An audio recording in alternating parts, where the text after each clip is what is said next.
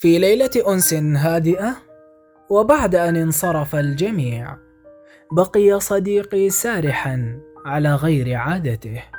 لم يكن على ما يرام ولم يصمد كثيرا حتى تدفقت منه الكلمات. يقول صديقي حدث سوء تفاهم بيننا. ظللت أعتذر مرة ومرتين وثلاثا. أتيتها بكل الطرق. كان بوسعي أن أبقى معتذرا لسنة كاملة. لكنها في آخر محادثة قالت أنا أفضل دون هذه العلاقة. ما زلت أريدها لكني توقفت. فكيف تبحث عن شخص أصبح أفضل بفقدانك؟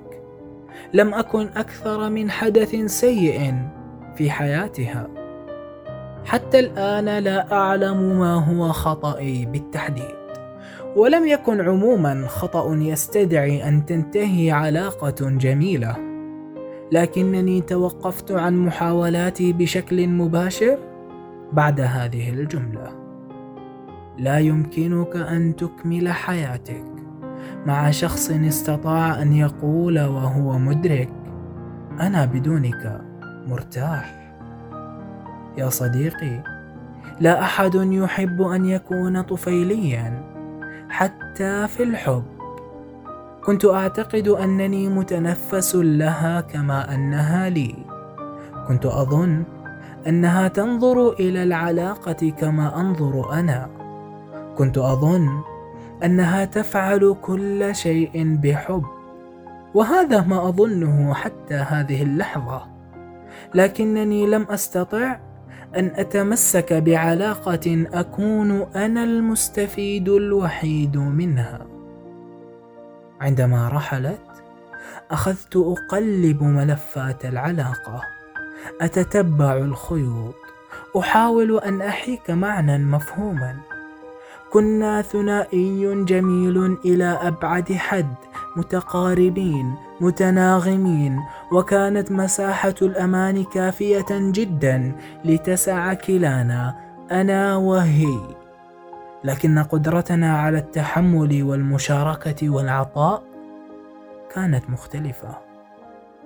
كنت أستعيد قواي عندما أمدها بالطاقة وكانت طاقتها تتناقص كلما زودتني بشيء منها. حتى خارت قواها. كانت أجمل امرأة صادفتها في حياتي. أذكى امرأة وأرقهن قلبا. كانت تقول لا عليك. أسمعك. أنا معك. كنت أظنها مثلي تتقوى إذا احتضنتني لم أكن أعلم أنها تتلاشى. مع كل حب. تمنحه إلي. خفت صوته حتى أنني بالكاد أسمعه. لمعت عيناه وتظاهر أنها مجرد حساسية. بخذلان أستطيع رؤيته. وبعد برهة أكمل قائلا تخيل أن تبذل كل شيء لإسعاد من تحب. وتفاجأ أنك سلبته طاقته. سلبته من نفسه. تخيل أنني لم أكن أكثر من حمل ثقيل أرهقها وبعض اللحظات الجميلة. أشعر بأنني صخرة بالكاد تزحزحت عن قلبها. لا تسألني كيف عرفت ذلك. كانت علاقة مذهلة وهي تشارك في صنع التفاصيل. معي أنا وهي قلبا بقلب كانت تغلبني وأغلبها. في الحب طبعا. لكنني عندما أتيتها معتذرا عما تقول أنه ذنبي. قالت أنها كانت تحاول إنقاذ العلاقة. كيف لعلاقة منسجمة أن تطفو على طوق نجاة؟ كانت علاقة هشة وعميقة في آن واحد. كانت عميقة كعمق تفاصيلها وكانت هشة حتى أن كل ما فيها يسمى أذى وكل نقاش يسمى جهد.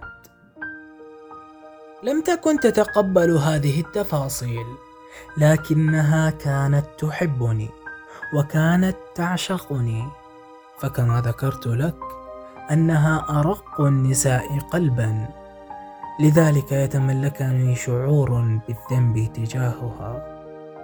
تخيل لم يبعدنا شيء سوى فارق التحمل. كانت تتحمل أخطائي وكنت أتقبل أخطاءها. فقلبي لا يحتسب أخطاء من يحب لكنها بقلبها الرقيق لم تستطع الاستمرار في التحمل. فبترت العلاقة. كانت تحتفظ بالأشياء في قلبها أكثر من اللازم. حاولت أن أقنعها. في الحب احتفظ بما يديم المحبة وتغافل. وبعد تنهيدة طويلة ختم صديقي قائلا لم أعد أراهن على القلوب الرقيقة في الحب. فمن شروط الحب أن تمتلك قلبا ينسى أو يتناسى وقلبا يتقبل اللحظات المزعجة ويحتوي تقلبات العلاقة. دون هذين الشرطين لن ينقذها رصيد العطاء والإحترام والتقدير والتناغم. لن ينقذ هذه العلاقة ابدا. لذلك قالت أنها أفضل دوني رغم كل شيء. كتب هذا النص عبد اللطيف بن خالد القرين عن صديقه.